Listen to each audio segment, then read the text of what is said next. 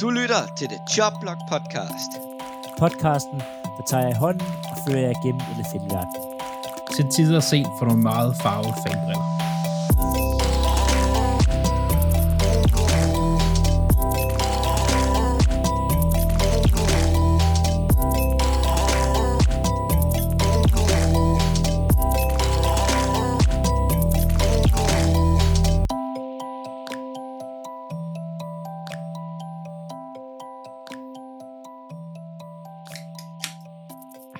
Velkommen til The Jobblock Podcast. I dag laver vi simpelthen en uddannelse og taler om de farlige uh, tiermisser fra Cincinnati Bengals. ja, ja, fedt. Ja, Og mine to faste medværter som altid, Philip Lind goddag. og Andreas Nytter, Halløj. og jeg hedder Claus Nordberg. Vi havde jo lovet en temaudsendelse først om Rams og om Bengals. Der gik lige et par måneder, før vi fik tid til det. Det har også sige- været vildt, øh, været vildt indtil nu. Nu har der først Ja. lige været noget. Der kom ro på nu. Ja, Ja, sig, det- nu siger du ro på, at der er helt dødt i NFL. Der sker... Ja, der sker intet. ikke en skid. Jamen, det var jo en nyhed, når en ponder går på pension. Altså, så, Ja. ja. så, øh, Jo, jo. så ved man, at der, der, Øh. der, der er ro. Så du den video med de hilsner, han fik? Den gode Sam Cook, da han stoppede? Ja, det gør jeg faktisk. Jeg har, ja, Den var faktisk ret god. den var god. Ja. Han er, han er åbenbart, han er rigtig dygtig. Han er, okay, det er jo den... Ej, jeg ved godt, det er Ravens, det her. Og undskyld Cincinnati Bengals fans. Uh, han er jo den Ravens-spiller med flest kampe. For Ravens. Ja, ja, ja, ja, ja. ja. Det er ikke Ray Lewis. Det er ikke Terrell Sox. Nej, nej, nej. nej, nej. Det er simpelthen Sam Cook. Det er også, jeg tager den. Han, er, han har været dygtig, og øhm, ja, vi skal ikke snakke Ravens nu, men øh, Nej. et godt special teams, det er altså nøglen til succes. Det er, øh, jeg er jo lige ved at sige uh, McPherson, men han er kicker. ja, der, der, har vi så også en, der er ret god. Ah, men, men lige når vi taler, Andreas, Mm-hmm. øh, dit forhold til Bengals, hvordan er det egentlig? Jamen, jeg har jo altid set lidt Bengals som, øh, fordi jeg er jo samme division som dem, har jeg altid set Bengals lidt øh, som lillebroren i divisionen. Øh, på trods af, at de jo er et af de ældste hold, eller i divisionen Ej. i hvert fald. I divisionen i hvert fald. Ravens og yngre, så han er de, de ældste. Øhm, så jeg har altid set dem lidt som den der lillebror, fordi at, da jeg begyndte at være med, så Steelers, de var de her, de vandt næsten alt på det her tidspunkt med, med det vildeste forsvar, og Polamalu, der havde hår over det hele. Og Browns vidste man lidt, at de havde historien. Var det så måske heller ikke så meget historie alligevel, men de var det der franchise, der har været gode, og historie, og de havde gode spillere, og så var der Bengals, de var sådan lidt sådan, de var sådan lidt nødt til en gang at sige, vi er her også. Altså, Men Bengals er jo det næst yngste hold i divisionen. ja, ja. Og nu siger vi næst yngste, vi kommer til, jeg, jeg skal snakke lidt med, de, de, er fra 60'erne, de er fra 60'erne, så det er jo ikke fordi, de er, Det er Unge, stadig det unge. næst yngste, ikke? ja, ja, men, men I- stadigvæk. I er bare små teenager i Ravens. Ej, det er de. Det er de. Nå, hvad er dit forhold til dem, Philip? Øhm, ikke sådan det helt vilde. Ikke haft nogen yndlingsspillere i Cincinnati, du har godt kunne lide? Altså så skulle det være, altså jeg kunne godt lide øh, Chad Johnson, eller Chad Ocho Cinco, som han vel officielt hedder nu. Øhm, Og han er tilbage til Johnson. Er han tilbage til Johnson igen? Ja, Ja, der, det- det... Det, er svært at følge med med ham. øhm, ej, det synes det har været en, øh, en, en sjov klub. Øh, det, altså, jeg har ikke noget forhold til Bengals som sådan. Altså, det, de spiller i, i AFC. Øh, man kan, altså, fede uniformer øh, med de her tierstriber her. Øh, men ellers ikke. Og så vil jeg sige, så vil jeg faktisk rose Bengals, og noget jeg fandt ud af, øh, da vi har, mens jeg har lavet research til det her, det er, at de har nok NFL's bedste sådan, team history side inde på deres, øh, Det hvis skal man går rose for. ind, ind, ind på Bengals, øh, så er der sådan en, går noget history, så den er simpelthen så vel gennemført udført, det er simpelthen så nemt, de har øh, beskrevet hvert år, selv de år, de er dårlige, man kan gå ind og slå alle holdrekorder op, altså lige fra øh, en spiller, der tilbage i 60'erne har grebet en bold for to yards, ham kan du se, hvor han ligger henne på deres forskellige lister. Øhm, så det er, det var fedt ved Bengals, det er et kæmpe plus, men ellers så har jeg ikke så meget. i forhold til dem. Jeg vil sige, at, at Bengals har... Jo, man har da fulgt lidt med, når man de har lavet en overraskelse mod Ravens, og har sagt, ja, det er meget godt, det her. Nej. men, Jo. men Bengals har jo bare været Bengals sådan lidt irrelevante, lidt middelmodige. Jeg kunne faktisk godt lide Carson Palmer. Jeg har faktisk en trøje med ham derude i garagen. Jamen det... Parma er også, synes jeg, det har jeg været, synes mange, meget lang tid, altså var øh, undervurderet. Ja. Øh, han blev draftet for højt måske. Han var nummer et. Øh, var måske ikke der, hvor hans talent lå, men han var undervurderet. Det synes jeg. Ja, han, han, han, han gjorde det rigtig godt. Ja. Øhm, Og og bare, bare det holdt meget længe. Ja, ja, og var måske også bedre, når man tænker på, hvad, der kommer vi ind på, når man tænker på, hvilket mandskab Bengals har haft, og hvilke pers- personligheder de har haft i det locker room der, så, så skal han have større credit for, hvad der ligesom... Øh, Og, og så Den havde de de haft. wide receiver med det fedeste navn. Det kunne knap nok stå på trøjen. TJ Husmansada. Ja. Altså, han, der var ikke plads nok på trøjen. Det, det buede. Det kunne jeg godt lide. Ja. Og så at han er draftet i 6. runde, det gør ikke noget. Nej. Men øh, jeg tænker, vi starter stille og roligt ud. Vi har delt ud i, øh, i øh, decades den her gang. Så Andreas starter helt med begyndelsen. helt ved begyndelsen, ja. Og øh, ligesom, det er noget... Øh, jeg ved ikke, hvordan jeg skal sige det her, uden det kommer til at lyde forkert. Men AFC North, jo mere vi kommer til at have om de her hold her, jo mere indser man, at det er bare noget indavl. Og det er det. Og det, er- Det siger du ikke. Der, der spærrer du øjnene op, Philip. Fordi Ah. ligesom andre hold i, øh, i AFC North, så starter Ba- øh, Browns, nej, undskyld, Bengals, som Browns, kan man godt sige. Øhm, det er Paul Brown, og det, jeg synes, det, det er det fedeste ved Browns, det er, at de bare har opkaldt holdet efter ham. Det er ikke fordi, de spillede brun, de spillede orange, men det er bare, det er mit hold, det er Browns. Det er mega fedt. Paul Brown, tidligere træner for Browns, øh, og han starter i 65, det der hedder Bengals, fordi han bliver han bliver fyret, kan man godt sige. Han, han bliver lidt sparket væk fra, fra Browns, de vil ikke have ham længere. Og så tænker han, fuck ja, jeg starter med eget. Og så i 65, der starter han op på det, der hedder, skal bliver til Bengals. Øh, de begynder at bygge stadion i 66, Riverfront Stadium, og i 67 bliver holdet godkendt af AFL med Paul Brown i, i front. Det er sådan en ejergruppe, hvis man kan sige det sådan, der står bag Bengals. Øh, så de bliver godkendt i 67, spiller først i 68. Holdet får navnet Bengals, da der har været tidligere professionelt hold i øh, AFL i 20'erne, hvis jeg husker rigtigt. Øh, og fordi Cincinnati Zoologisk Have på det tidspunkt havde en sjælden hvid bengalsk tiger.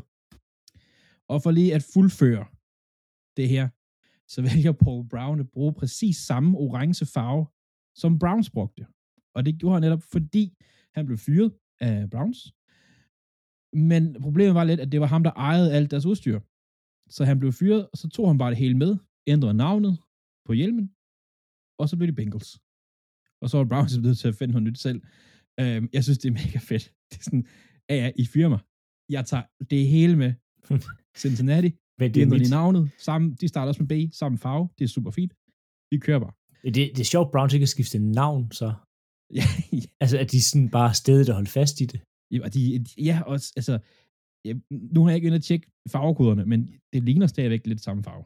Jo, jo, men ja, der er nok øh, meget, meget lidt til forskel. Ja, ja. Men altså, de kan ikke skifte navn nu, Browns, men det, det undrer mig, at de ikke har skiftet navn på det tidspunkt. De, de fyrer ham, og han så bare har taget det hele, så kunne de lige så godt have kaldt sig noget andet. Ja, ja, Ja. ja, men, men, men, ja, de har nok på det, det er, jo, det er jo efter en periode, hvor Browns har været gode, så de har sikkert tænkt, det skal vi ikke gøre. Nej.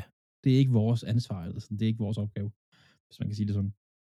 Men, Kender øh, I, kender I til, om der tidligere har været øh, spillet pro football i øh, Cincinnati? Jamen, der skulle gerne være, og jeg har ikke rigtig kunne finde noget sådan meget på det. Øh, de er opkaldt efter tidligere AFA-hold, AFL, professionelt hold, øh, der hedder noget med Tigers. Nej, nu er det så øh, øh, pro football reference, jeg har her. Altså Nå. Cincinnati Celtics.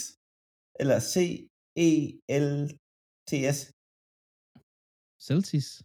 Celt, Celt, Celtics. Celtic. Ja, Ja. der har været et hold, Ja, der starter med C. der var to, Ja. ja. og så Cincinnati Re- Reds. øh, men så var der jo den hvide bengalske tiger i Zoologisk Have, og de tænkte, Det er den, vi den kan folk godt lide.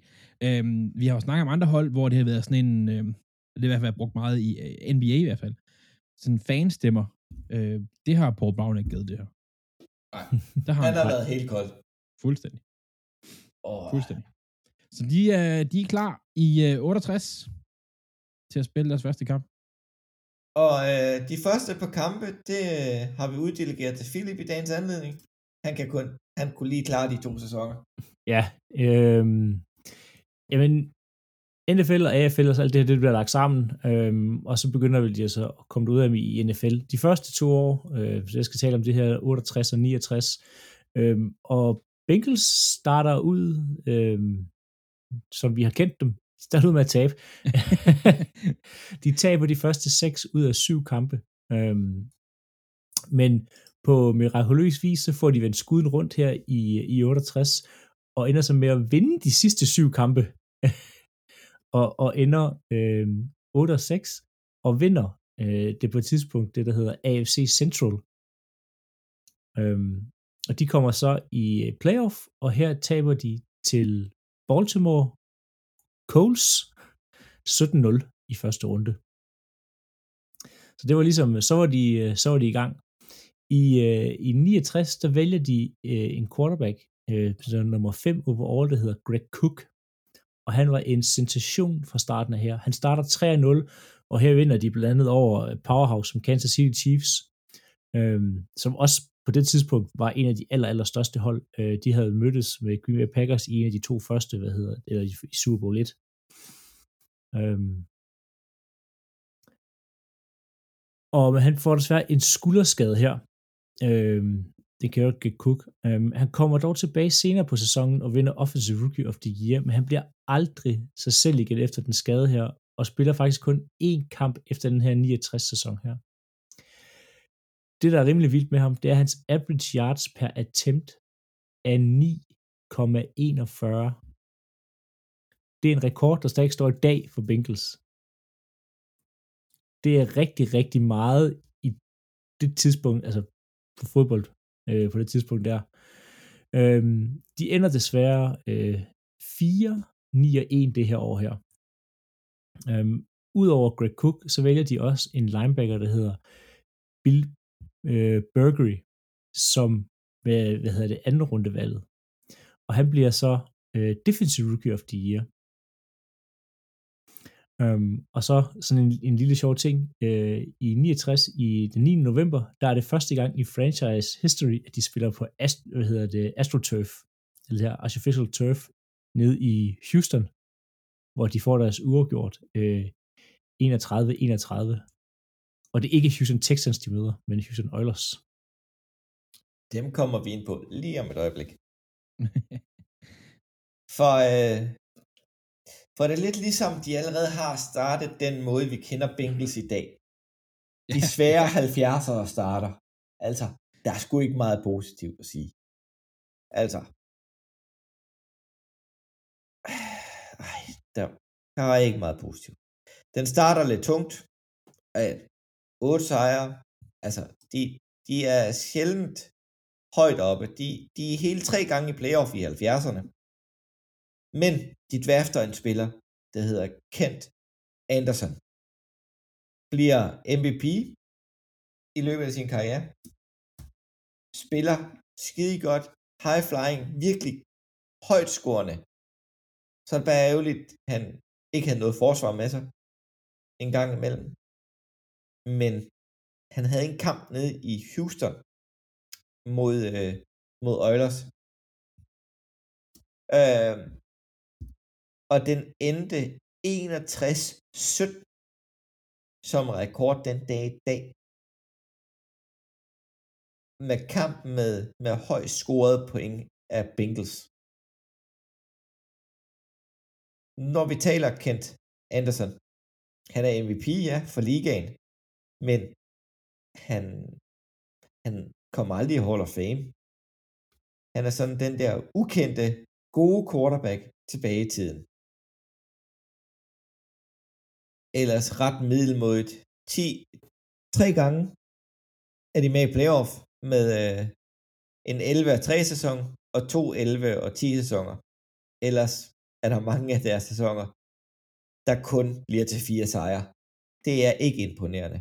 4-8 sejre resten af, af årene. I øh, 1975, efter sæsonen der, der stopper Paul Brown som træner og bliver ejer slash GM derefter. Og efter 75, der skifter de træner tre gange på fem år. Udover Kent Anderson, så havde de et par, par gode spillere fra 70'erne, man skulle på. Uh, det er Isaac Crust, en lille, hurtig wide receiver, og DB Lemar Beshit, der blev uh, uh, cornerback, der blev Pro Bowl hele otte gange, og han skiftede i 77 til Washington Redskins. Og det hed det dengang. Det, det hed det dengang, så jeg må godt sige det. det bliver aldrig godt. Andreas, Andreas du skal bippe det ud. Men det, det, de er bare kommet dårligt fra start her. Altså, så, så meget er der ikke at sige, sige godt om det. Om så vent til vi kommer til 90'erne. Men, men en sjov detalje med Ken Anderson, jeg ved ikke om lige om jeg fik sagt det. Han er jo rent faktisk passing leader for Cincinnati Bengals den dag i dag. Det er den spiller, der har kastet for flest yards for klubben. Det er mm-hmm. ikke Boomer Eisen, det er ikke Andrew Dalton, det er ikke Carson Palmer. Altså, det er kendt. Det er... Tilbage i 70'erne. Og, det, det, han, har, han, har, han, har, han har kun noget, men som du siger, han er lidt den der kendte, ukendte. Ja. Øh, når folk ser all-time rankings, så er de sådan lidt, hvem er det? Uh, øh. han, han har kastet 32.000 yards og 197 touchdowns. Ja. På, hvad bliver det? Det bliver 15 år. Ja. ja. Jo. Det er, ved, du så, ved du, hvem der er nummer to på listen? Det må være Andrew Dalton. Det er det. Med 31.594 yards. Det, altså, han skulle, Andy, han skulle lige have taget lidt mere. lige haft lidt mere. Og det er ikke... Det fik han ikke lov til. Det er Red Rifle. Men, men, men det er jo en rekord, der står for fald, hvis hvad hedder det, de kan holde Joe rask, så er det ja. en, han sagtens skal komme op og tage. Ja, ja, ja. Ja, det er, det er hvis, og det, som vi kommer til at, at snakke om lidt senere her, i hvert fald jeg kommer til at snakke om, det er ikke øh, nødvendigvis noget, der er, der, du har allerede nævnt lidt, Philip, med ham, de draftede i 68, øh, eller var det 69, det er heller ikke noget, de er særlig gode til senere hen. Nej, altså, he, hele Cincinnati's historie er jo meget sådan noget what if, what if, og det, ja. og det, og det starter allerede med uh, Greg Cook på, uh, på quarterback, og sådan, hvad kunne det have været blevet til, hvis han ikke var blevet skadet, og der er jo rigtig, vi kommer sikkert igennem med talrige eksempler med, hvad nu hvis ham ikke var blevet skadet, hvad ja. nu hvis det her, hvad, altså det er sådan hele vejen igennem Cincinnati's historie, der er sådan noget, uh. hvad nu hvis denne spiller ja. var kommet til, ja. Ja. Men, men, men, men, nu tager jeg altså et spring her. Det er i orden. Fordi i 80'erne, der er det lidt anderledes faktisk. Og 80'erne, dem starter Bengals på den helt, helt rigtige måde. De får nye uniformer. De tænker, vi skal have en ny identitet, nye uniformer. Og der, det her, der kommer de, Philip, der kommer tigerstriberne. De kommer i, i start 80'erne. Øh, og de virker. De virker. De har ikke virket så meget senere. Men de virker her. Det gør de altså. Jeg ved ikke, om det er tigerstribernes skyld, eller, øh, eller om det er Philips måske største forbillede, der kommer ind her lidt senere. Det ved jeg ikke. Men tigerstriberne kommer her. Og det starter rigtig godt. De har en øh, Forrest Greg som træner. 81 sæson går de øh, 12 og 4. De ender i Super Bowl. Faktisk, de står i finalen. Men de taber til Fort Niners. Og så går det igen ned. Men nogle år senere, i 88, der får de endnu en chance. De går i 87, så der er de 4 og 12. De er glade for de her fire sejre, sæsonsejre, Claus. Det var de altså rigtig glade for. Men i 87 er de 4 og 12, og går til 12 og 4 i 88 med en Sam Weiss som træner. Og her ender de igen i Super Bowl. Men de møder altså Fort Niners igen. Og der taber de. Så de Men- er i Super Bowl to gange i 80'erne. Men en sjov detalje med Sam Rice. Han var jo tidligere offensive coordinator i San Francisco 49ers. Det er rigtigt, ja. Øh, og der er nemlig noget her, der spiller nemlig lidt overens, fordi i 80'erne, der får de nemlig Boober Esiason. Og det er et navn, som måske ringer en klok rundt omkring, fordi han er i dag, øh, jeg kan ikke huske, om det er, er det CBS? Uh, jeg kan ikke huske, hvor han er, på grund af, at de skifter helt vildt den her sæson. Ja, det gør de. Øh, men han er kommentator. Boomer Esiason, han var, øh, han var en god quarterback. Han var ikke bare en god, han var rigtig god. Han er øh, ham, der fører Bengals til en Super Bowl sejr. Nej, til, ikke til Super Bowl sejr, men til en Super Bowl. øh, han er også NFL MVP, ligesom Ken Anderson. Øh, han har stadig rekorden for flest kasteyards i én kamp for Bengals med 480 yards. Og så er han venstrehåndet. Og det er her, hvor Sam White han bliver Det spændende. kan gøre ham til en lidt bedre quarterback end alle de andre. Lige præcis. Hvis man går og kigger på øh, alle mulige hjemmesider og finder sådan en liste over best left-handed quarterbacks in all time, så ligger Boomer Esiason nummer to på mange af de lister her. Nogle gange er han nummer tre. Han kæmper lidt med Michael Vick om, hvem der ligesom skal have den, øh, den anden plads der.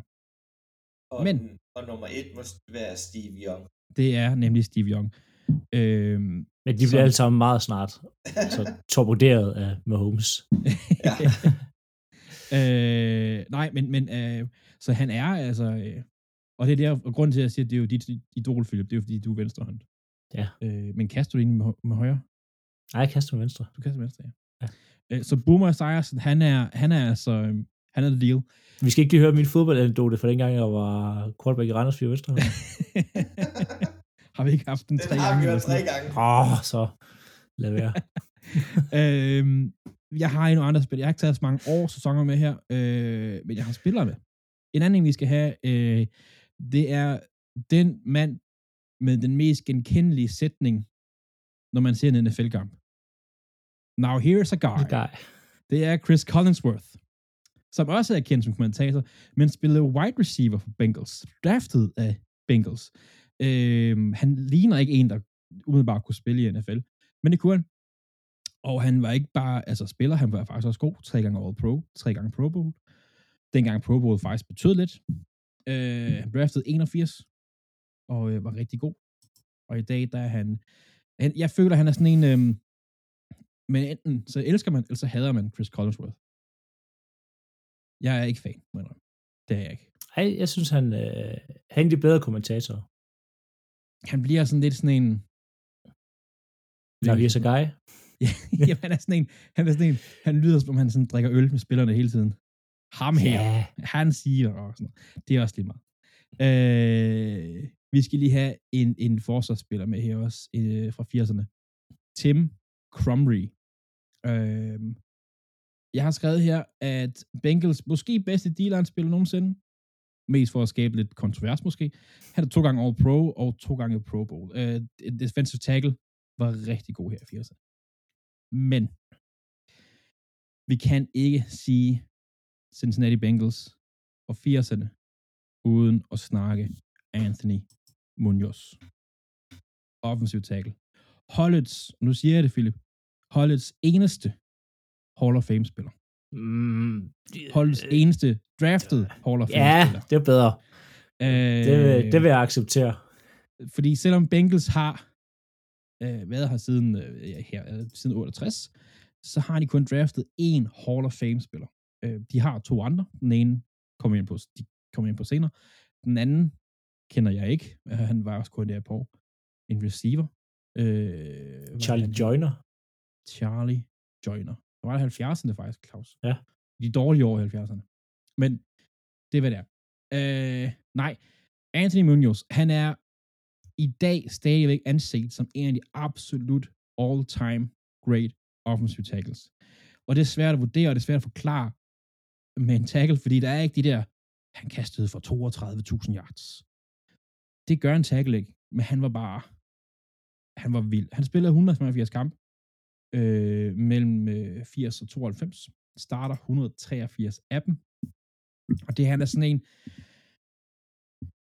når, når spillerne selv skal forklare om, hvem de synes, sådan, historisk set synes er den bedste på den her position og sådan noget, så er Anthony Munoz altså en, der bliver nævnt i, jeg føler til, at bliver nævnt sådan top 3, top 5 all-time tackles her, så det er virkelig, vi snakker top of the line øh, for den her position. Så når Bengals rammer rigtigt på den, så rammer de satme også rigtigt. Øh, de har ikke gjort det så meget siden. Og de rammer, det kommer på, men de rammer også rimelig meget plet med hans afløser.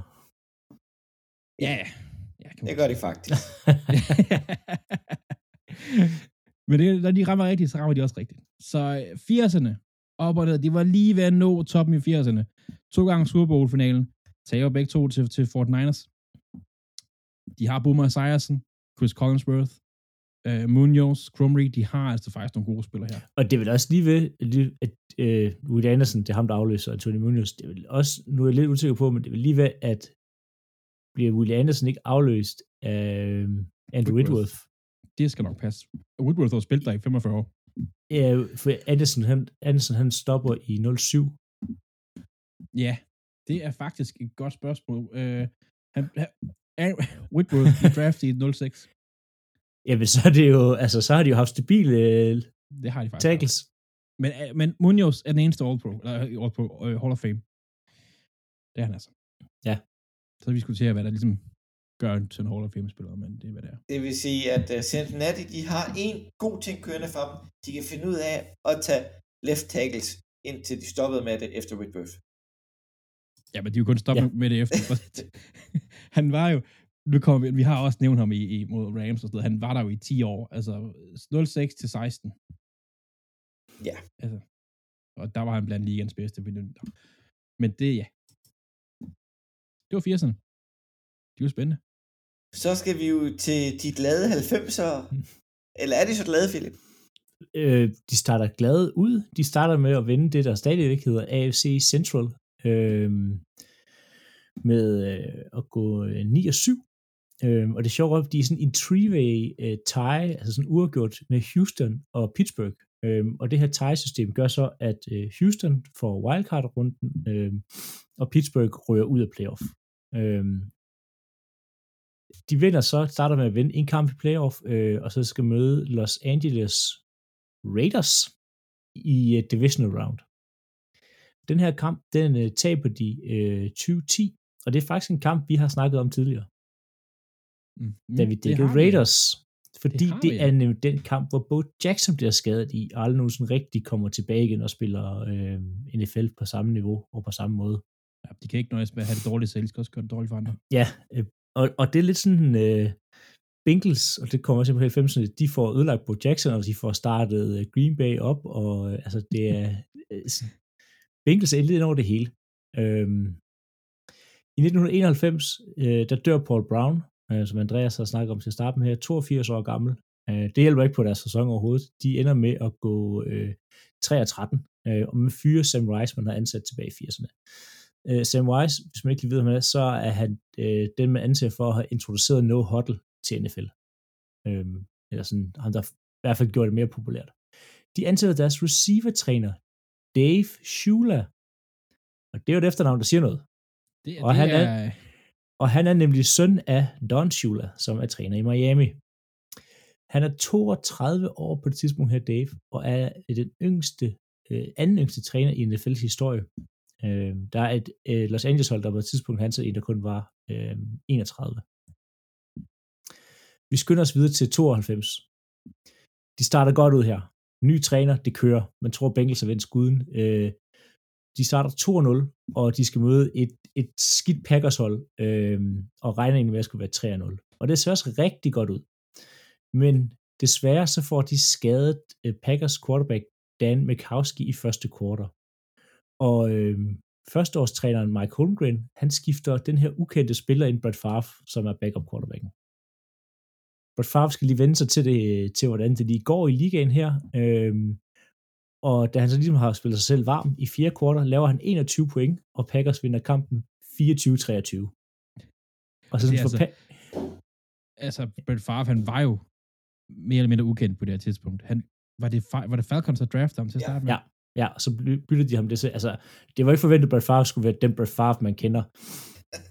Øhm, så det ser ligesom gang i Brett Favre og Packers, og det hele, det kørte ud af. Det er en helt anden snak, og det gik rigtig godt. Øhm, det gjorde ikke, gik ikke så godt for, hvad hedder det, for Bengals efter, og de slutter sæsonen 5 og 11. Det, Altså, Ja. jamen der, når man sidder og kigger på det, der er så mange sæsoner, hvor man er sådan, okay, det her, det kan Ja, ja, men- blive, nej, det bliver ikke sandt. Nej, men hvad hedder det, øhm, det highlightet på den sæson her, udover at de startede Packers øh, og Brett Favre, så øh, draftede de en receiver, der hedder George Pickens, øh, som bliver Rookie of the Year.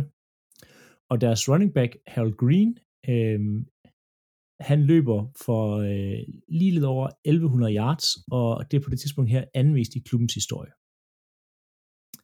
I 93, der man øh, Andreas vil inde på det her Riverside Stadium. Riverside Stadium, det deler de med Cincinnati Reds, som er et baseballhold. Og det man begyndt at være lidt træt af. Så man er rigtig træt af det.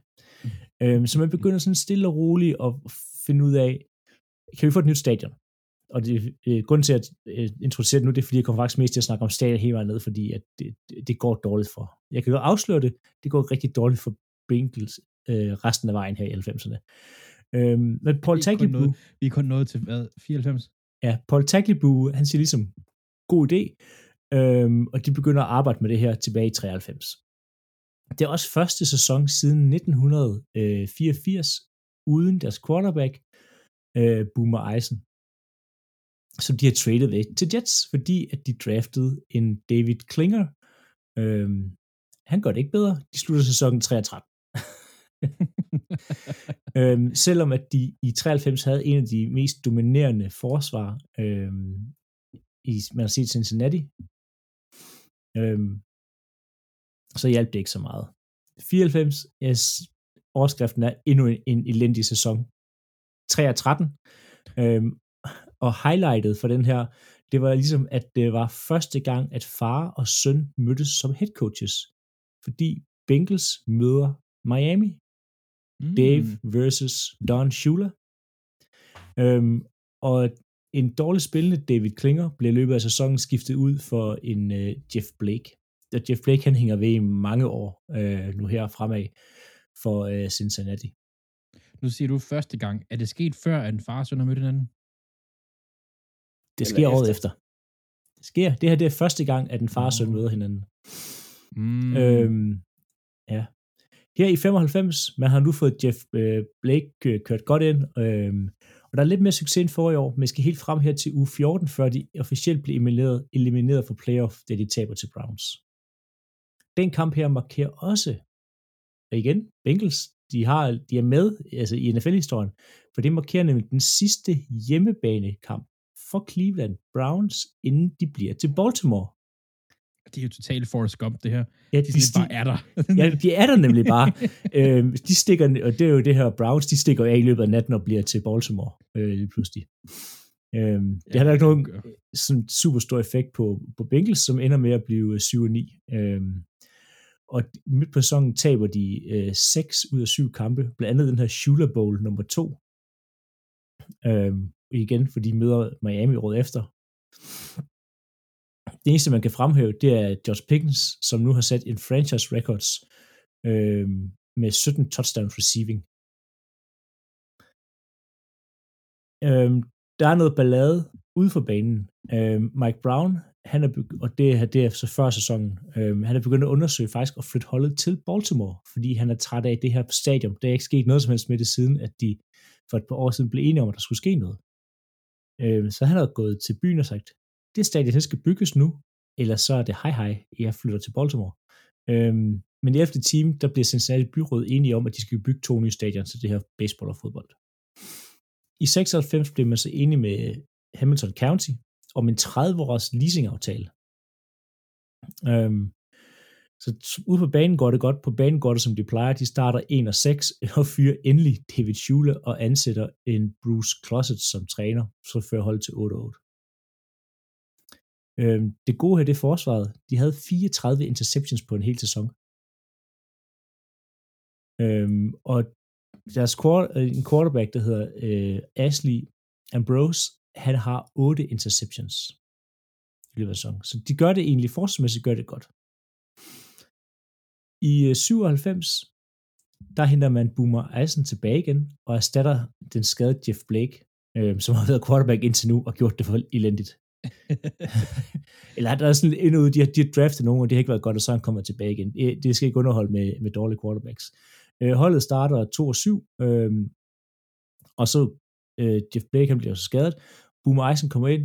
De sidste fem kampe, der går han 4 og 1, og den kamp, han slutter, der laver han over 40 point. Så man tænker, yes, Boomer er tilbage, men Boomer vælger da sæsonen, der slutter sig jeg stopper, forvent, det er færdigt. Jeg skal over så være kommentator. Fedt. Og han bliver kommentator på det daværende ABC Monday Night Football. Øh, jeg er faktisk i tvivl om, at ABC stadig eksisterer. Øhm, Ja. Til gengæld i 97, der ser man en spiller, som vi flest nok kender, nemlig en debut for Corey Dillon, som han har taget i anden runde. Og han ender med at blive altså klubbens sådan all-time rushing leader med over 8.000 yards. Øhm. Og han slår han, var, blandt han andet... var god, han var god. Han var rigtig god, Corey Dillon. Øhm, han, han kan virkelig nogle ting. Han slår blandt andet øh, Jim Browns NFL-rekord med flest øh, yards for en rookie øh, med, med 247 yards. Altså, det er rigtig godt. Øhm, I 98, der er stadig problemer med det stadion her. Vi skal huske helt tilbage i starten af 90'erne, der blev de enige om, at de skulle have det her stadion. Vi står i 98, og det er stadig ikke blevet bygget. Øh, Hamilton County kan ikke blive enige med City Hall, altså sådan selve rådhuset, fordi de mangler, øh, der er sådan 12 hektar land, de ikke kan blive enige om at bygge det her stadion på. Øh, Bengals ud at sige, at hvis de ikke er enige senest den 31. januar, så finder de bare et andet sted, Bengals. De gider ikke mere nu. De er trætte af det her. Klokken kvart over et natten mellem 31. januar og 1. februar, der bliver landet en aftale mellem øh, Hamilton County og øh, City Hall i Cincinnati. Så de får det underskrevet, og Bengals bliver, hvor de er. Det er bare, Øhm, de, de kører lige på grænsen, Det er, lige, sige, det er meget på grænsen. Øhm, på banen, der fortsætter Bengals, som det har gjort gennem hele 90'erne, de går 3 og 13. Øhm, Det kan være derfor, at de ikke helt, de tænker, det, det, Ja. vi når det, når vi når det, de er ikke gode. Altså. nej. Cole Dillon fortsætter med at være et monster, øh, på, og løber på den anden side af 1000 yards igen, og bliver den første Bengals i, øh, i historien til at få øh, 1000 yards i hans to første øh, NFL-sæsoner for Cincinnati. I 99, inden de sker noget, byggeriet går i gang med det nye stadion, så det kan være klar til, at de flytter ind her i, øh, i år 2000. På banen går det, som det plejer. De går 4 og 12. Mm. Øhm, de har nu fået Akil Smith ind øh, som quarterback, en rookie, de har draftet, men det er ikke meget bedre end Jeff Blake. Cody Dillon fortsætter med at være god med 1200 yards, øh, og bliver genvalgt i Pro Bowl. Øhm, så, så det var 90'erne for, øh, for Bengals. Tæt på at flytte. Rigtig dårligt øh, øh, for dem her. Hvis man skal fremhæve nogle spillere ud af dem, vi har snakket om, både med Carl Pickens og Corey Dillon, så som vi snakket om, så Muniz afløser Willie Anderson. Han er fantastisk. Han starter i, i 96, øh, og han er valgt i første runde for dem her. Han spillede 181 kampe for Cincinnati Bengals. Og han har sat øh, rekorden for fewest sacks allowed, altså i altså færre sacks til i en i hvad hedder det i hele 07-kampagnen, øh, og det kan se på på med kun 17. Altså en fantastisk offensiv tackle, og, og en af de få øh, offensive tackle, øh, ikke en af de få offensive tackles, men faktisk generelt en af de få øh, spillere, som er med i øh, Ring of Honor for øh, Cincinnati. Der er ikke særlig mange med. Men det er specielt at være en del af Ring of Honor. Og jeg lyver, han er, han er nomini i år til Ring of Honor. Han er ikke engang kommet med endnu. Hold op. De har heller ikke særlig mange. De har Ken Riley, Anthony Munoz, Paul Brown og Ken Anderson. Det er vildt. Ja. Jeg sidder lige og kigger lidt på det her, ikke? Altså, de var bare, undskyld, rigtig meget lort. Ej, men det, Altså, det, det, det sæson, er hvor de forfærdeligt. vinder flest kampe, det er jo i, hvad er det, 96, hvor de vinder 8? Øhm, og, og der også synes jeg, hvordan kan du kun fremhæve tre spillere i løbet af, af et helt årti, Øh, fordi der ikke er andre at snakke om. Altså, det, det var helt igennem forfærdeligt. Ja, det er bare, øj, Men der, der, var, der, der, er ikke, der er ikke noget godt at sige om 90'erne og, og, og Bengals, udover at de sidst får mødet sig frem til et nyt stadion. Men altså, de kunne have været, de kunne have været Baltimore i stedet for. Ja. Og det Der er du heldig. Der er jeg altså, øh, prøv at tænke på, øh, hvordan verden ville have været. Nej, øhm, ja, det er for vildt. Men nu går vi jo ind i det nye årtusind, og Cincinnati Bengals siger, fedt, vi har fået et nyt stadion, og vi skal komme bravende ind på det her stadion med øh, Costes som head coach stadigvæk. Ah, det gik sgu ikke så godt. 4-12. Det er bare det samme igen. ja, det kører videre. Kostas bliver fyret undervejs. Det er den gode gammeldags. Vi har talt om ham tidligere i vores Lion podcast. Dick LeBeau. Defensiv koordinator på daværende tidspunkt i uh, Cincinnati, ind og bliver head coach. Han har også været defensiv koordinator i Steelers, er der nok mange, der kan huske ham som. Ja. Men han, han skulle ind og tage det her hold over. Uh, det en, en af de mest positive ting, man kan sige om det, det år, det er, de blev ikke sidst i deres division. De endte med en rekord på 4-12. Men de fik også taget en spiller, som man nok kan huske, hvis man er sådan lidt gammel som vi er. Taco Spikes, linebacker. Men de har stadig Smith, som de tog i 98, som quarterback. Og det går jo ikke super godt. Kurt Dillon løber af. Men året efter, i 2002, der vinder de to kampe mere. Og tænker, yes, nu kører det med LeBeau. Men de har også fået ny quarterback. Kan I huske ham? John Kidna. Legendarisk. Jeg kan, jeg må indrømme, jeg kan, jeg, det eneste grund til, at jeg sådan rigtig kan huske ham, det er fordi, han, det lyder som, han hedder Nyre til efternavn, altså Kidney. Øhm, Men det kan godt være, at de vinder to kampe ekstra, så de går 6 og 10. De bliver så sidst i deres division. Ja. Corey Dillon, han løber stadig af for fuld knald og gør det faktisk skide godt. Men så kommer der ny NFL-struktur i år 2002. Der er LeBeau stadig træner. Kidna er deres bedste, er ikke Kidna. Kidna er deres quarterback. Dylan er deres bedste spiller som running back. Og var sådan, åh, puh, ja. Lad os lige vinde to kampe og draft nummer et overall. Lad, lad os da gøre det. Så øh, i draften i, i år, ja, sjovt nok, så blev Dick LeBeau øh, fyret, efter at have fået draft pick øh, nummer et overall. Og øh, de ansætter Marvin Lewis, og han var der jo bare en milliard år, føles det som. ja, Øh, ja, det, han har, ja, de drafter Carson Palmer, og nu tænker man, fedt, nu, nu kommer vi. Og øh, Corey Dillon, han er der stadig, men det er faktisk Rudy Johnson, der også tager over der som running back. Øh, for Corey Dillon, han kommer til øh, lidt i uføre det første år, og så ryger han ellers til, øh, til øh, New England Patriots derefter, og var med til at løbe Philadelphia over i en Super Bowl. Blandt andet. Ja um, og de fik også øh, uh, draftet uh, øh, Chad Johnson. Så det er ligesom, oh, her der har vi fået os en kerne. Der er, er, er Will Anderson på, og, og hvad hedder det, Carson Palmer, Johnson og Johnson, og så kommer Perfect på forsvaret senere, og Benson som er linebacker, og ja. 8 og 8, 8 og 8, og de kommer i playoff for første gang siden 1990 i år 2005. De var væk i 15 år og taber wildcard. 8 og 8. 7 og 8. Nej, øh, 7 og 9 hedder det. 11, 4, 1. De spillede uafgjort. Hvem fanden gider spille uafgjort?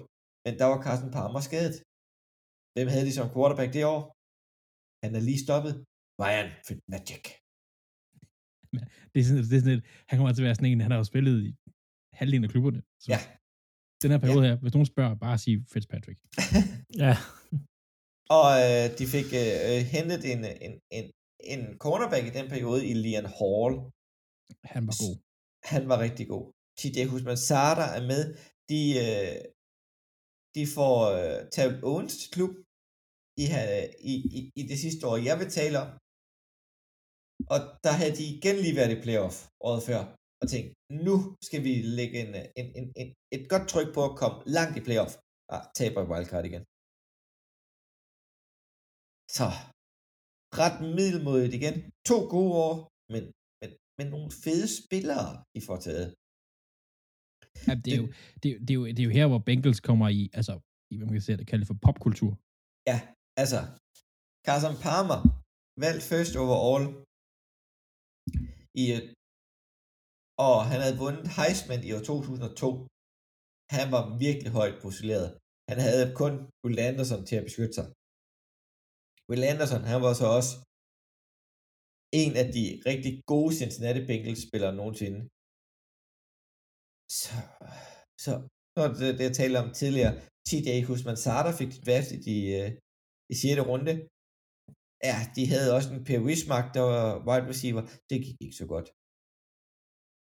Wismark, altså, first overall, ui, linebacker Odell Furman, ah, han, han, han virkede heller ikke. Så er der wide receiver Chris Harry, Harry, Harry de draftede højt i år 2005. Kan I huske ham? Jeg har hørt navnet. Ja, du har hørt Nej. navnet. Ja, det er kun på, at jeg spillede for meget Madden i den periode, jeg rent faktisk kendte det navn stadigvæk. men, men det er jo også, man kan jo godt se det på dem, de kigger på her, at Ben- Bengals ved godt, at de er nødt til at tage nogle sats for ligesom at få talent. Ja, og de er nødt til at, at tage noget, der falder i draften, for eksempel. Altså, Husman Sarda, han var jo, han faldt jo lidt i draften. Han, er han var 6. runde, ikke? Ja.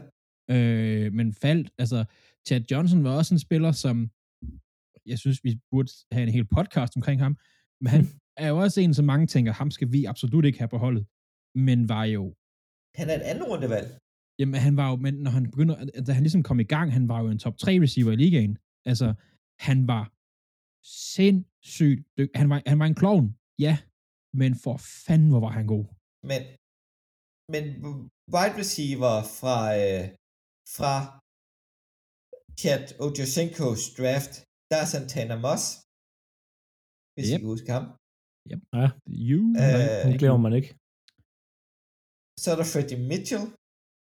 Han er gammel Philadelphia-dreng, det er derfor, jeg kan huske ham. Og Whitney Wayne. Det er de wide receiver, der er nogle wide receiver, der ellers er taget foran. Det giver simpelthen ikke nogen mening at nævne, for der er ingen, der ved, hvem han er. og nu kommer jeg lige med en, øh, en øh, kontroversiel ting her. Chad Johnson er den bedste receiver af den draft class. Jeg så og tænkte det samme. Reggie Wayne er hammerende dygtig og virkelig god, men Chad Johnson er bare, ved- når du ser trænere i NFL og sådan noget, taler med ham, som, som, altså der er sådan et rigtig godt klip med Bill Belichick, hvor han sidder sådan og snakker sådan, vi havde, vi havde aldrig en mand på Chad Johnson, vi havde altid to Ja. mænd på. Fordi han kan, og man ser ham spille, jeg har aldrig set nogen, og jeg, jeg, jeg er ikke mange i dag, der, der kan nærme sig, synes jeg, der kunne have så gode fødder som ham. Han kunne dreje på en 5 krone. Overhovedet, Altså, altså, han, Han var så, han var så sej. Men øh, der er også taget en, der hedder Steve Smith. Ja, bedre end ham. Ja, ja. Ja, men, men altså, er han så igen, som han var, han var en klovn ude på banen og løb om kap med en hest, Jo, og, så, og levede af McDonald's, og altså, og jo, men han, han var jo god jo. Altså, han Han var jo stadigvæk så god. rigtig god. han var så god. Altså det, alt det der antics og alt det, han lavede godt, det, det, det virkelig, det skyggede for, hvor dygtig han virkelig var. Ja. Og, øh, og det er faktisk også samme draft, at de tager Woody Johnson i, i fjerde mm. runde. Det, mm. det er sådan nogle gode byggesten, de får der. Ja. Uh, ellers er det uh, opbygning, jeg siger, nu, nu kommer vi, nu har vi, de havde et godt hold på det tidspunkt der. Ja, ja. De kunne bare ikke forløse det. Det var middelmådigt. Det, ja. Ja. Det, det er Bengals. Men, men Det skal lige, lige endnu en, en Chad Johnson-historie. Jeg har mange af dem, fordi jeg kender dem jo. Uh, han, han plejede, da han spillede mod Ravens dengang, uh, vi havde en god cornerback, der hed Chris McAllister på det tidspunkt. Uh, han plejede at fortælle sine ruter til Chris McAllister. Han plejede at stille sig inden snappet og sige, jeg løber en slant, og de kunne stadig ikke stoppe ham. Altså, ja. altså, altså, øh, man kunne, jeg tror, ja, uh, jeg, jeg bliver nødt til at rette mig selv. TJ Husman Sada, han er et syvende rundevalg. I samme Ja. draft som Chad. Mm. Og, og, og Woody Johnson. Altså, det er en draft, de bare er heldige og får virkelig meget talent på. Ja, og det kan, det kan ændre alt, altså. Ja. Øhm, det var jo, jeg kan blive, vi kan blive ved Chad Johnson.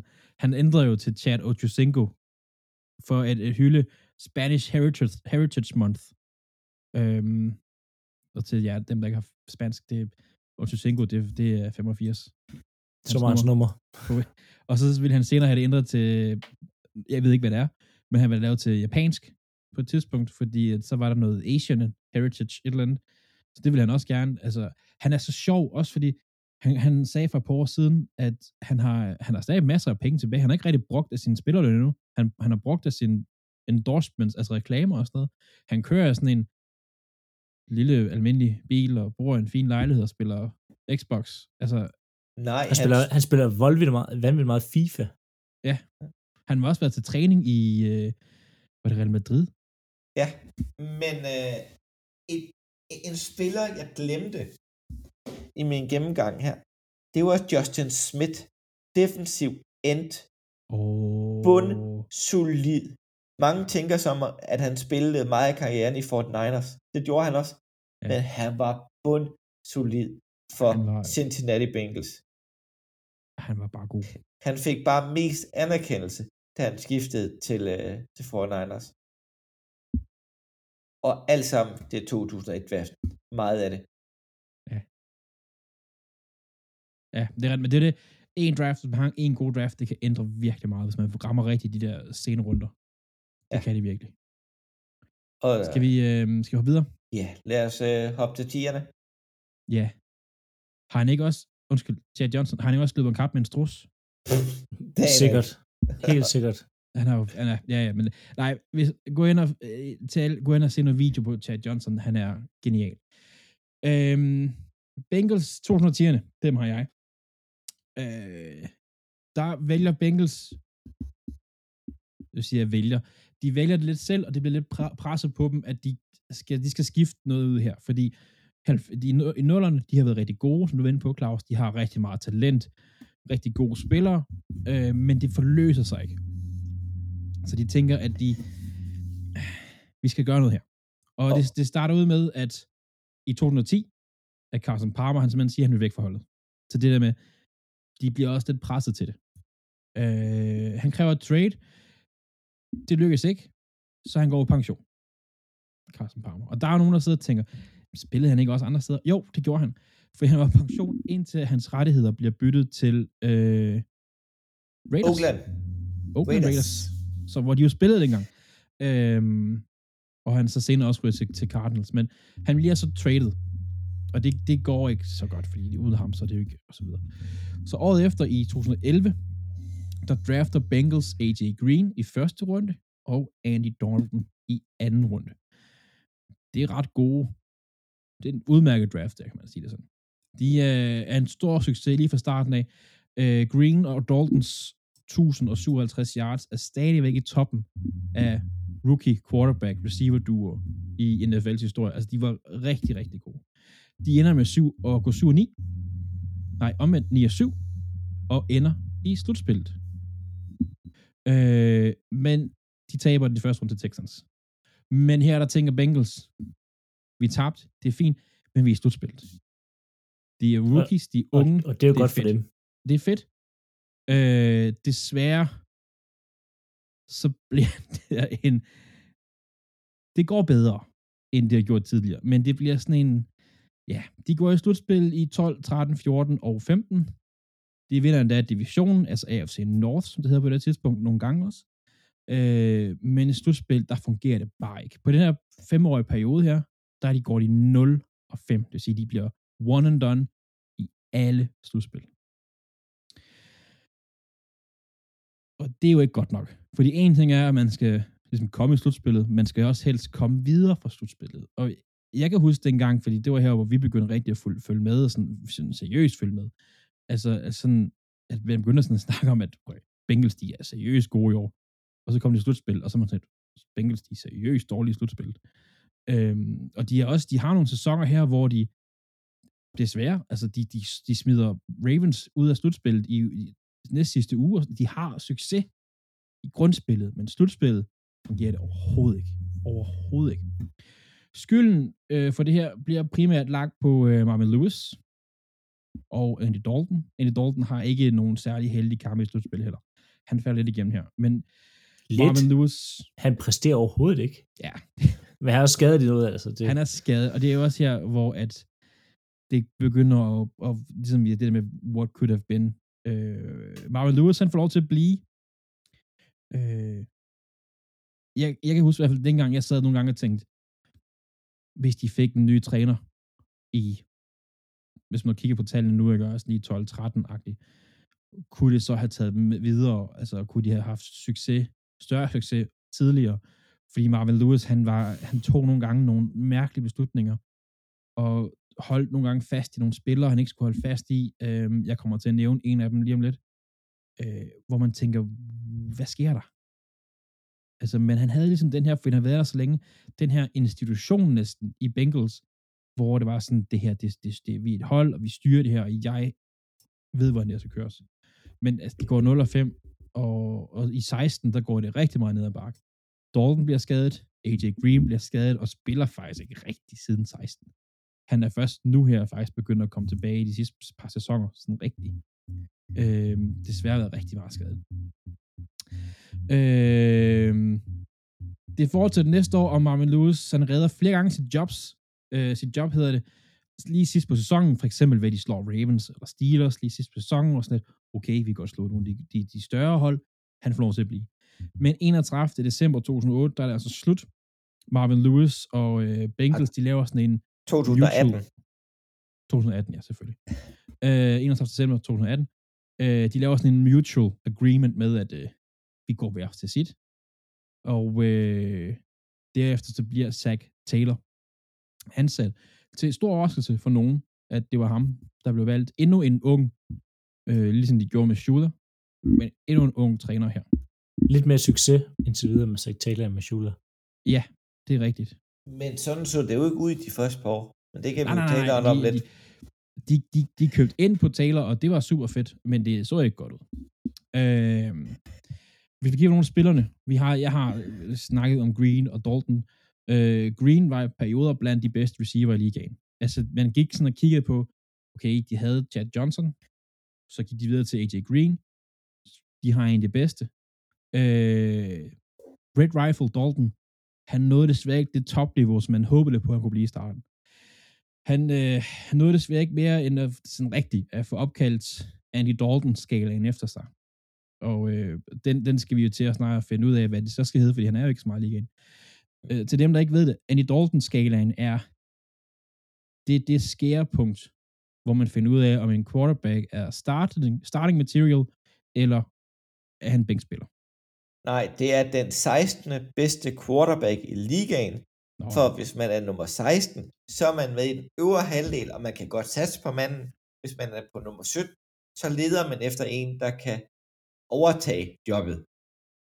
Præcis. Andy Dalton var, Ja, altså, det sådan, det jeg Han også er præcis midten. lige Ja, jamen, præcis det- god nok til at beholde sit job, men dårlig nok til at føre dem videre. det er sådan, det var. Det er jeg ked af, jeg ikke lige øh, jeg ikke sagde for rigtigt. Øh, Andy Dalton er han bliver grinet lidt af ham på grund af Dalton skala, men han er faktisk en god quarterback, og han har også gjort det godt, synes jeg, i de roller, han har haft efter Bengals, blandt andet, øh, hvor han er kommet ind, og så starter han blevet skadet, og så er han nødt til at tage over. Han har faktisk gjort det. Man tænker på, hvilken rolle han har haft, så han har faktisk gjort det rigtig fint. Men, men ud fra en karriere, som at være taget i anden runde, så er det faktisk en god NFL-karriere, hvis man tænker Ja, over ja, det. det er Det er rigtig rigtig det er fint. Det er en Rigtig fin fint. NFL-karriere i for, altså. Men så er den heller ikke mere end fin. Altså, så, så, så Nej, den er fin. Og han vil altid være husket som, at han faldt igennem i slutspillet. Det vil han.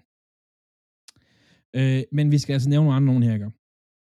Øh, Andrew Whitworth, øh, som spillede indtil han var, han, nåede, han nåede at blive 41, øh, og vandt Super Bowl over Bengals øh, for Rams her sidst. Øh, igen, en rigtig god left tackle, som de har haft mange år. Øh, Gino Atkins, de, uh, defensive tackle, øh, de havde faktisk perioder af godt forsvar, Bengals, hvor Gino Atkins var en af dem her, der stod foran.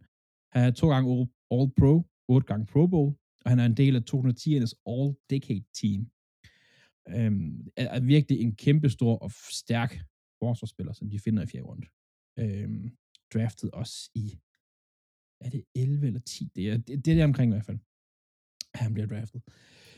Øh, og så har vi en af dem, som vi skal nævne, men ikke fordi han måske var god, men fordi han, øh, ja, one task perfect. Og jeg har nævner ham, fordi at han var en spiller, der lige så tit reddede Bengals, som han ødelagde Bengals. Han var, er sind, en sindssyg karakter i NFL. Fyldt med talent. Altså, han havde talent til at blive draftet i, i, i første runde. Altså, måske endda i toppen af første runde. Virkelig. Kæmpe meget talent. Men han, han, han, han altså, han kunne ikke styre det. Han blev andet med at blive undrafted, og ender så i Bengals. Han har misset lige under det øh, 20% af kampe i sin karriere på grund af suspensions. Han, han har samlet skulle betale med suspensioner og bøder osv. 5 millioner dollars har han betalt over sin karriere. Og ham, der også har ødelagt Antonio Brown. Anto, ja, I og en, en, mange player, andre. en playoff-kamp, hvor at, altså, jeg, jeg, kan- at det er sådan noget fjerde og tredje, og den er i hvert fald lang, og det er sådan, den får, de får ikke den her. Antonio Brown, rodet ind over midten, og Vontae Perfect, altså han, helmet to helmet, fuldstændig, altså, forsøger på at slå ham ihjel. Fuldstændig. For, får en straf og alt det her, og de ender med at et første down, og Pittsburgh ender med at vinde den her kamp. Øh, der er helt sikkert nogle, nogle både Cincinnati-fans og Pittsburgh-fans, der kan den lidt bedre i hovedet, end jeg kan. Men altså, jeg vil sige, Antonio Brown var jo ikke den samme efter det. Altså, han er jo- lige siden, det, det er jo efter det, at den sådan lidt tossede Antonio Brown kom frem. ja. Ja, ja, ja, hvis man kan sige det sådan, det er ret nok. Øh, og der, hvis man kigger på den del af ham, på fem år, der havde han 12 sager, øh, og det var alt sådan noget som altså hårde taklinger. Øh, han har, de har, det var en, en, jeg læste, flere gange i en kamp har han ligget og vredet i folks ankler, modstanderens ankler, Jamen, han er en klog. øh, øh, givet en fuck- fuckfinger til fans, og så trådte han, det kan jeg huske, det kan jeg faktisk huske dengang, han trådte på LeGarrette Blunts hånd, da han spillede for øh, Patriots. Han har lavet sinds- han er kæmpe talentfuld, men en kæmpe idiot også. Kæmpe, ja. kæmpe, kæmpe idiot. Hvis man skal se noget positivt på ham, øh, og det var måske også grunden til, at Marvin Lewis han fik lov til at blive, at de trænere ligesom kunne styre Vontas Perfect lidt. Dem hæv andre til sig. Altså, Simmer i Vikings, fordi han var god til at styre sådan nogle spillere. Han var kendt for, at han kunne godt snakke med en perfect, og få det bedste ud af ham og sådan noget. Lige indtil han så snappede og fik tre personlige fejl og 150.000 i bøde. Men, men der er nogle trænere, der har fået nogle jobs på grund af, at de sådan lidt kunne, kunne styre en spiller som Von Tars Perfect. Øhm, men det er lidt, også lidt for at fortælle lidt noget af det talent, som et hold som Bengals måske har været nødt til at tage ind. Fordi de har ikke kunne hente folk i free agency. Folk gider ikke til Cincinnati at spille. Hvis de får, hvis de får lov til at tage til Miami at spille, det vil de rigtig gerne. Men Cincinnati, de har ikke engang den hvide tiger længere. Altså, Nej, og, de har aldrig, altså, det, de er- har aldrig det et vundet noget. marked. Der, er- der, er ikke en, der er ikke en vinderkultur. Nej, altså, så de er nødt til at gå ud og så sige, ham her er perfect. Han er en kæmpe idiot, men han kan spille. Vi er nødt til at prøve ham. Øh, og han endte jo, var det, samme, var det ikke sammen med øh, Antonio Brown i Raiders? Jo, Jo, Jo, jo det var, Jo. og det gik også helt galt. Det gik også helt galt. Han, han, han er ude nu, og jeg tror, han er måske i fængsel og sådan noget. Men, men en helt fuldstændig sindssyg karakter, øh, som, som lidt også viser lidt, hvad, hvad Bengals har været nødt til at gøre for ligesom at få noget altså, succes. Altså, men uh, Andreas, vil du lige have lov til at nævne uh, den sidste spiller, inden vi går videre til en lille hyggequiz?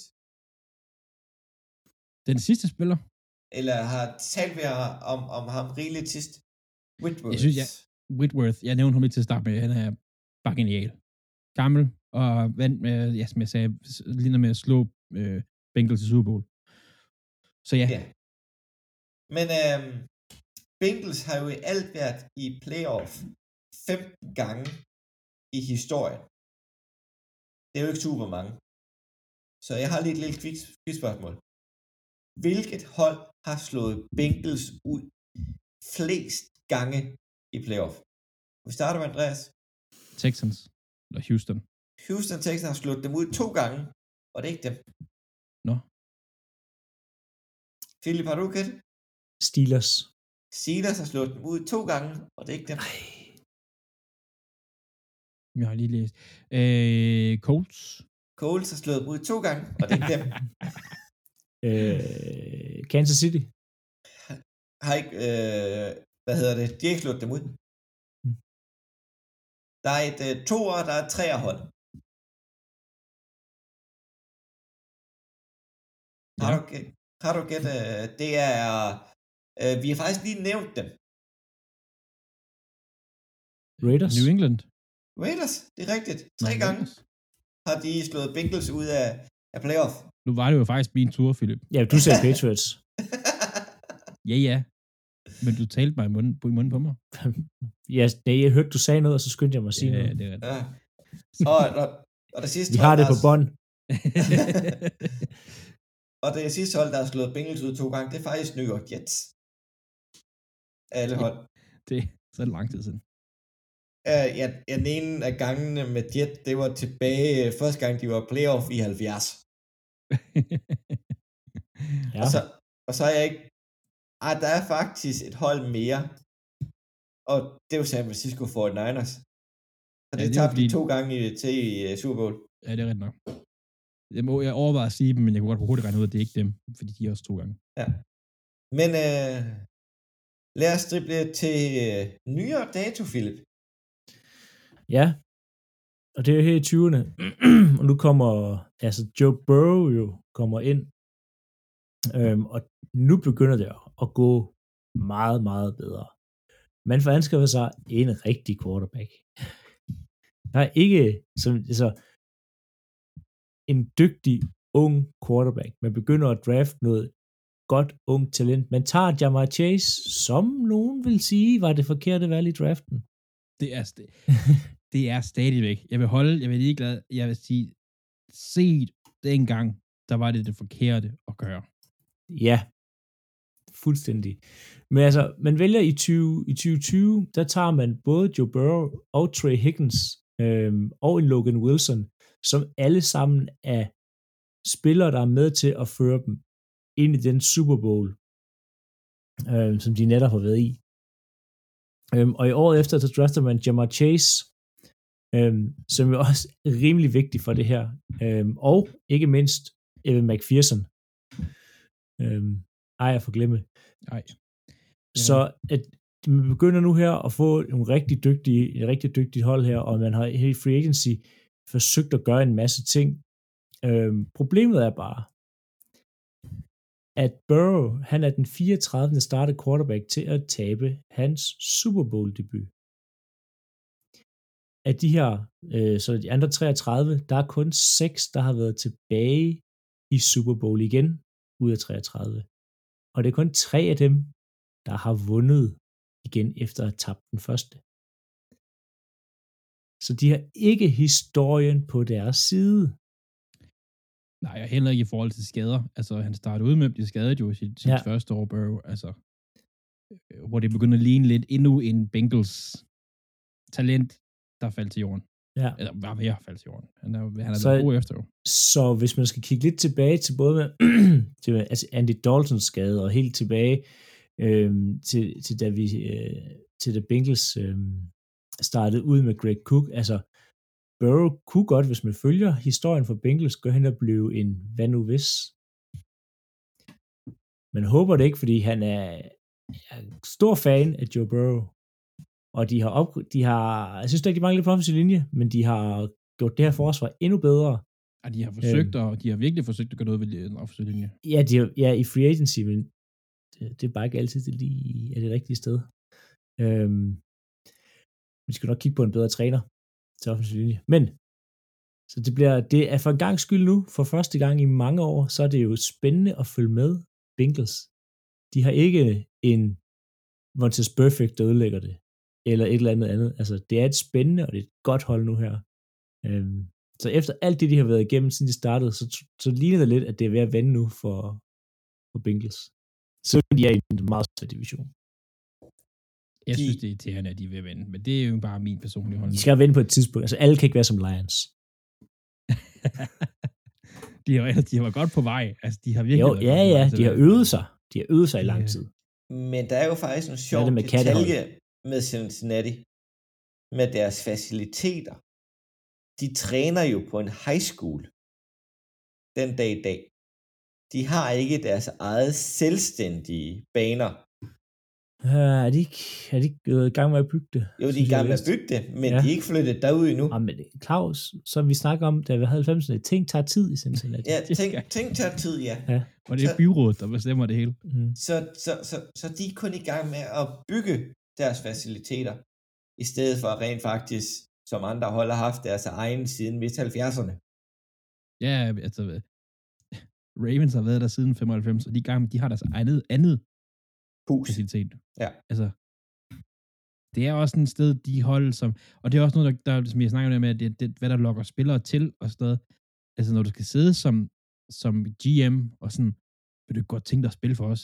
Vi, vi, vi, vi træner, ja, vi træner for en high school, ja, ja, det går nok, ja, ja, men, øh, ja, Men, men, baseball, ja, ja, ja, ja, ja, vi- har en baseballbane, ja, altså, hvordan, hvad, hvad kan du sælge holdet på, og hvis alle andre gør noget bedre? men Bengals har jo også altid haft lidt det samme ry, som Chargers har haft. De har altid været lidt nære i. Meget nær i. Ja, Meget nære i. Og så er det godt at ligge i Cincinnati. Ja, virkelig godt. Men, øh, men nu har vi jo så været igennem deres historie og siger, de har draftet ufattelig mange spillere gennem tiden, men de har kun draftet 3, nej, 59 Pro Bowl spillere og 19 All Pros. Altså, det er altså meget lidt. Og vi har siddet og talt om internt, at Baltimore har jo flere All Pros end, end Cincinnati har, og de har eksisteret under det halve. Jamen det, ja, altså, Og jo, det kan godt være øh, MVP's, der har de Kent Anderson og Boomer Isaac.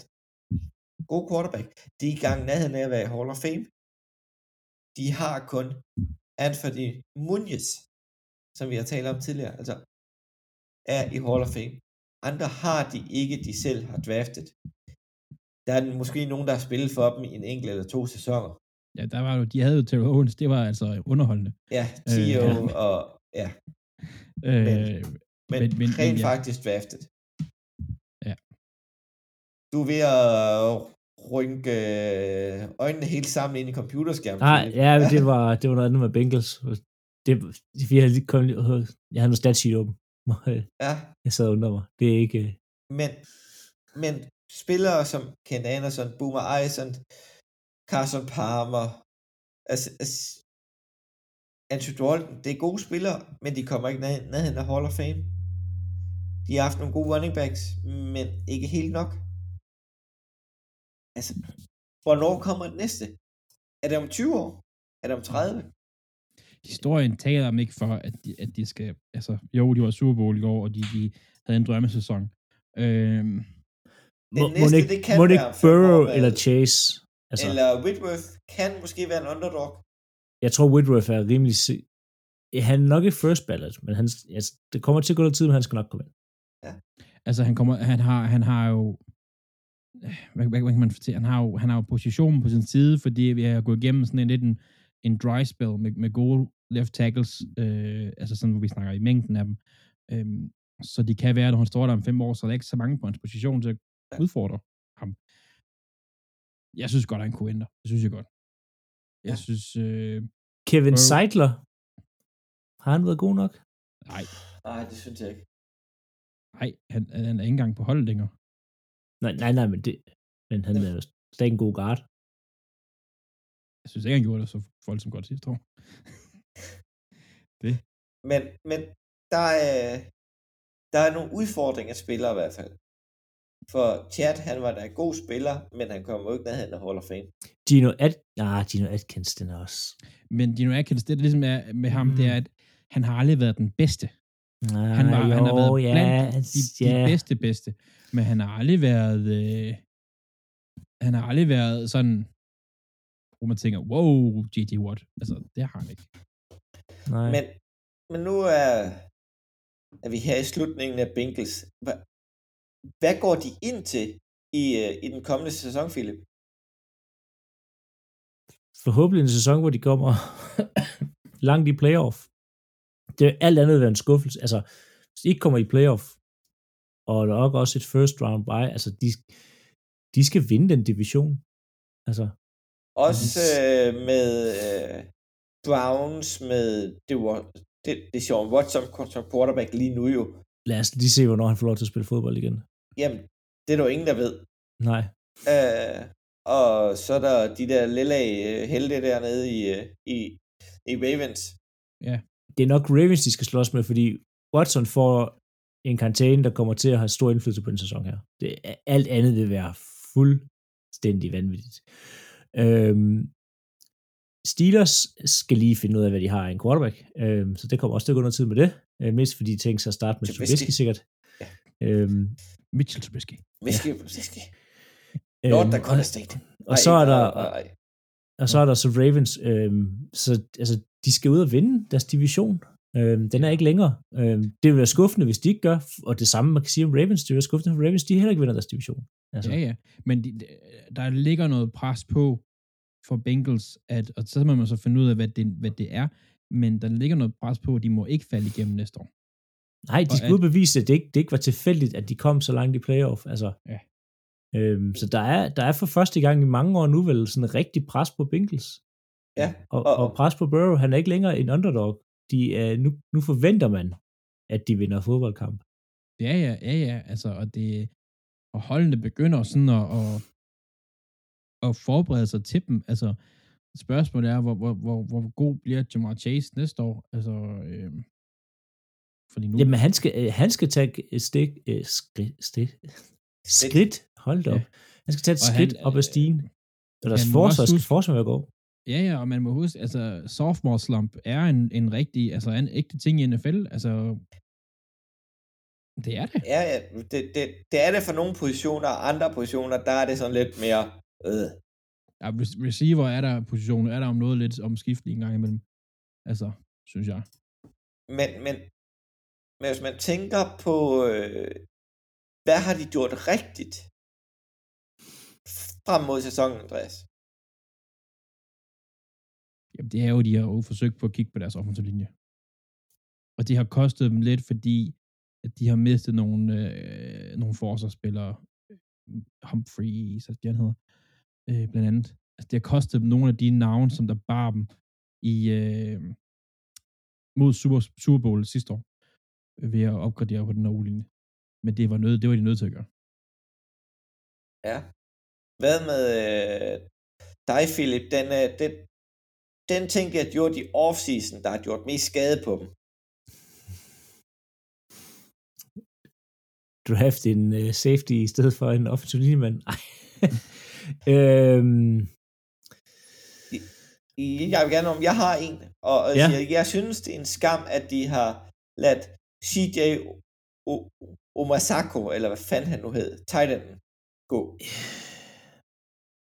Ja, den, den var Ja. altså ikke... Øh, Og, og, og til den pris, han gik for i Jets, det var jo ikke meget. nej, men øh, han er, han er kæreste med, øh, hvad hedder hun, Kay, hende der vær, var vært på Good Morning Football i New York. Kay Adams. Ja, hun Ja. er så var der lige stoppet. Så han er nok flyttet derover på grund af hende. Ja. Øhm, og igen, hvem vil ikke heller bo i New York? Men ja, altså, men du kan, du kan godt finde en, en tight end, der kan, ja, måske ikke en, men du kan godt finde to tight ends til at erstatte hans produktion. Øhm, altså, jeg synes, de kommer ud med et, et bedre hold, end de havde sidste år. Øhm, Ja, det synes jeg også, på grund af, at har fået lavet den offensive linje. Ja, nu, ja, ikke, lad os nu se den offensive linje der. Ja, ja, Øhm, altså, der- de har forsøgt på det. De har Ja. været Men- ude og prøve at, at forstærke den. men de har, det, de har styrket deres forsvar rigtig meget, specielt øh, DB'sene, øhm, og det er altid godt at, godt, men altså, hvis du kan styrke noget, der er stærkt i forvejen, så bliver det rigtig godt. Og deres Ja, ja, var gode. Ah, Jamen, de startede Eli- Eli Apple. Eli Apple var spillet en god Super Bowl, indtil øh, det lige gik i til sidst. Øhm, Han, han, han spiller faktisk okay, men man stoler ikke Han- så meget på ham.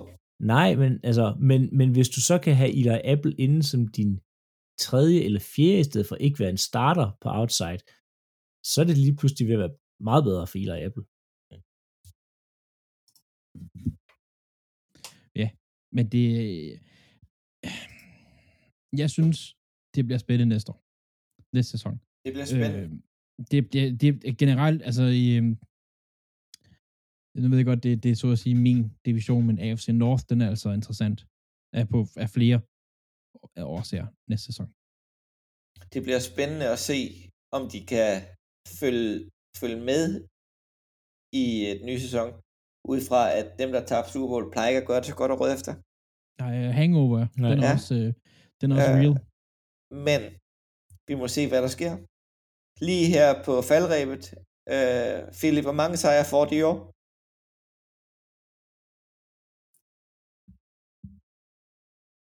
11. Andreas, mange sejre får de i år? Jeg tror ikke, jeg siger 10. Jeg tror ikke, de får mere end 11. Og jeg var også, altså, første tanke på timen, ej, de skal, de skal op og have 11. Ved du Men hvad? det er, det er, det er en øh, super kompetitiv, specielt altså hvad- efter hvordan det foregår i, i Browns. Altså det er en, det er en, de kan godt gå altså 3 og 3 bare i divisionen. Ja. Så, så 10 sejre eller 11 sejre kan godt være kæmpe godt i den division. Jeg tror også, det er nok. Jeg skal også tænke på, at de har også et first place schedule. Det vil sige, de skal mod Kansas City Chiefs, de skal mod Buffalo Bills, og de skal mod Tennessee Titans. Ja. Dem skal de møde. Ja, Titans er nok ikke. Men er det ikke Ravens endte sidst i divisionen sidste år? Øh, Og det mener jeg. ja, og jeg kan faktisk ikke huske. De er i hvert fald, de, de er i hvert fald under Steelers og Bengals i hvert fald videre. Ja, jeg tror også, de endte under Browns.